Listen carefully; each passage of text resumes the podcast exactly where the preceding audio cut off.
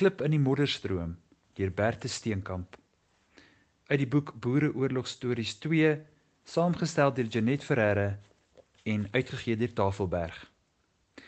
Nadat Kotie Steenkamp se man Lammy as krygsgevangene na Sint Helena afgevoer is, is Kotie en haar kindertjies nooit tydens die oorlog gevang nie.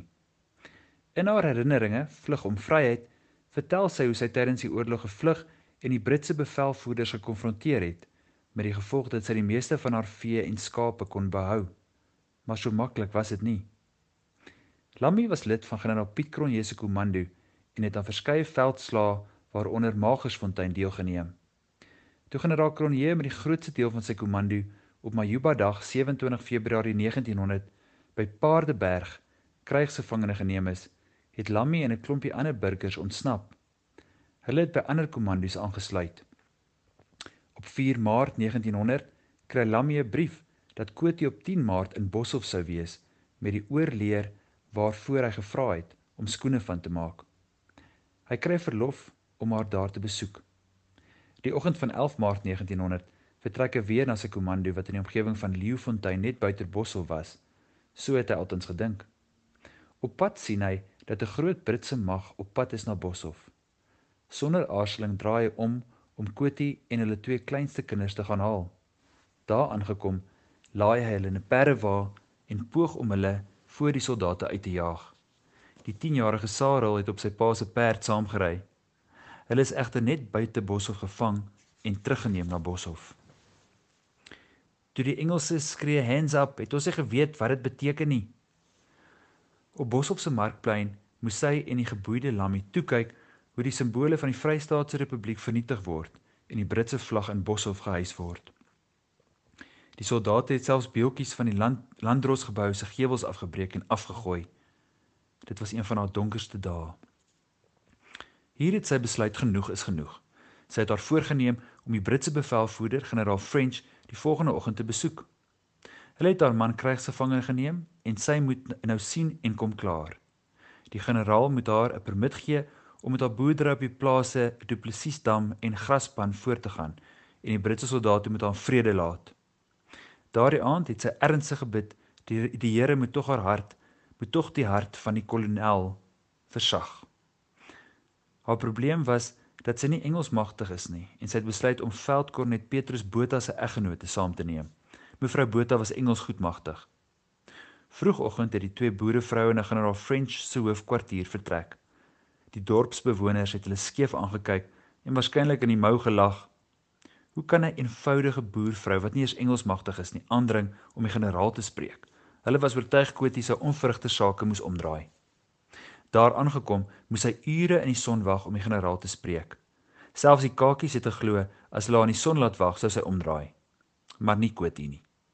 Eindelik het dit het dit het dit haar geluk om generaal French te spreek. Sy het hom ernstig tog vriendelik versoek om haar 'n permit te gee sodat sy op Duplessis Duplessis Dam kan teruggaan. Na Duplessis Dam kan teruggaan. Hy moet ook in die permit skryf dat sy, haar kinders en vee nie verder gemolesteer of afgevoer mag word nie. Generaal French was te verstaan baie verbaas oor hierdie ongewone versoek, maar het hom met respek behandel. Hy het haar einde ten laaste 'n handgeskrewe permit gegee waarin alles vervat is waarvoor sy gevra het. Moontlik wou hy net van hierdie knaande vrou ontslaa raak. Sy glo hy was in God se hand. Voor haar vertrek na die plaas, het sy eers 'n Bybeltjie gekoop en verlof gevra om dit vir, vir of dit aan Lammy te gee wat in 'n stal aangehou is.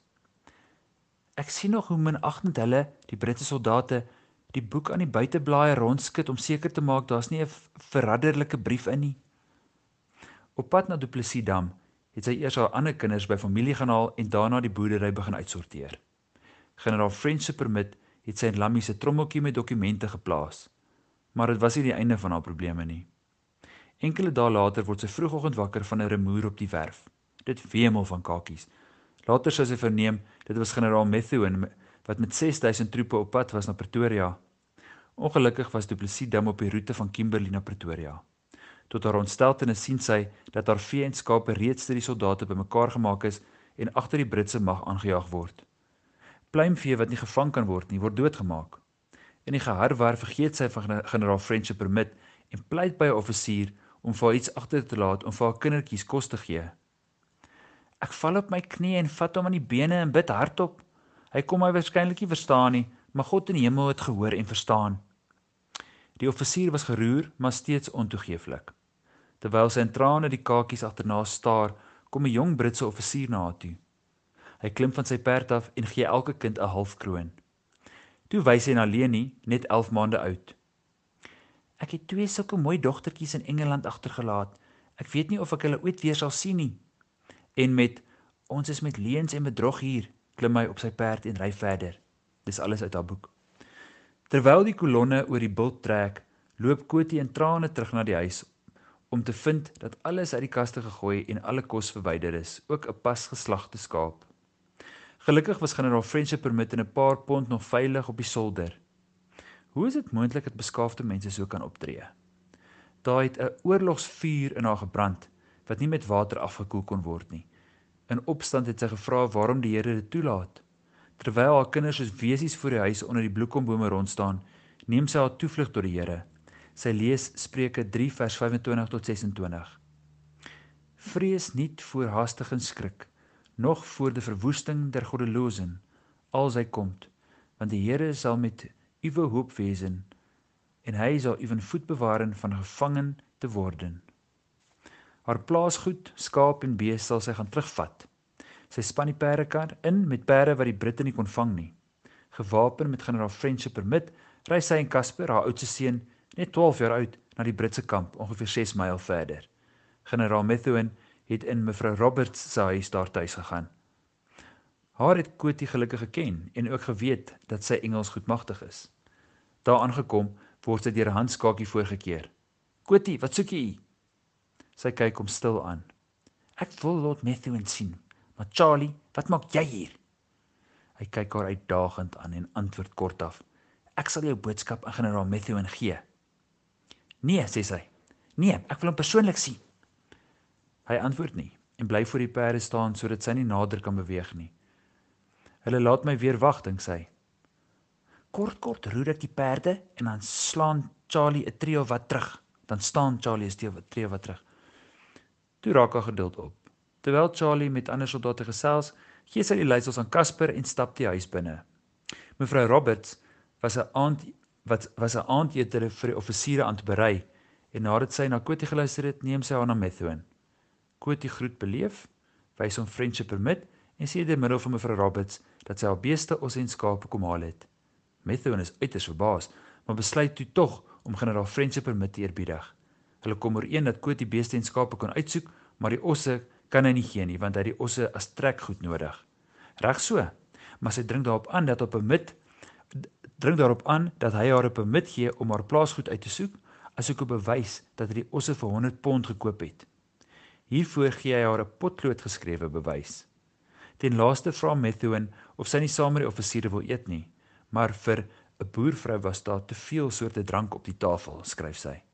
Sy aanvaar egter 'n glas melk. Charlie die handskakie word aangesien om haar te help, maar hy is nie genee nie en dui aan dat hy haar die volgende oggend sal help. daarmee verdwyn hy tussen die kakies. Waarheen nou, vrou alleen tussen duisende kakies en nog meer beeste en skape?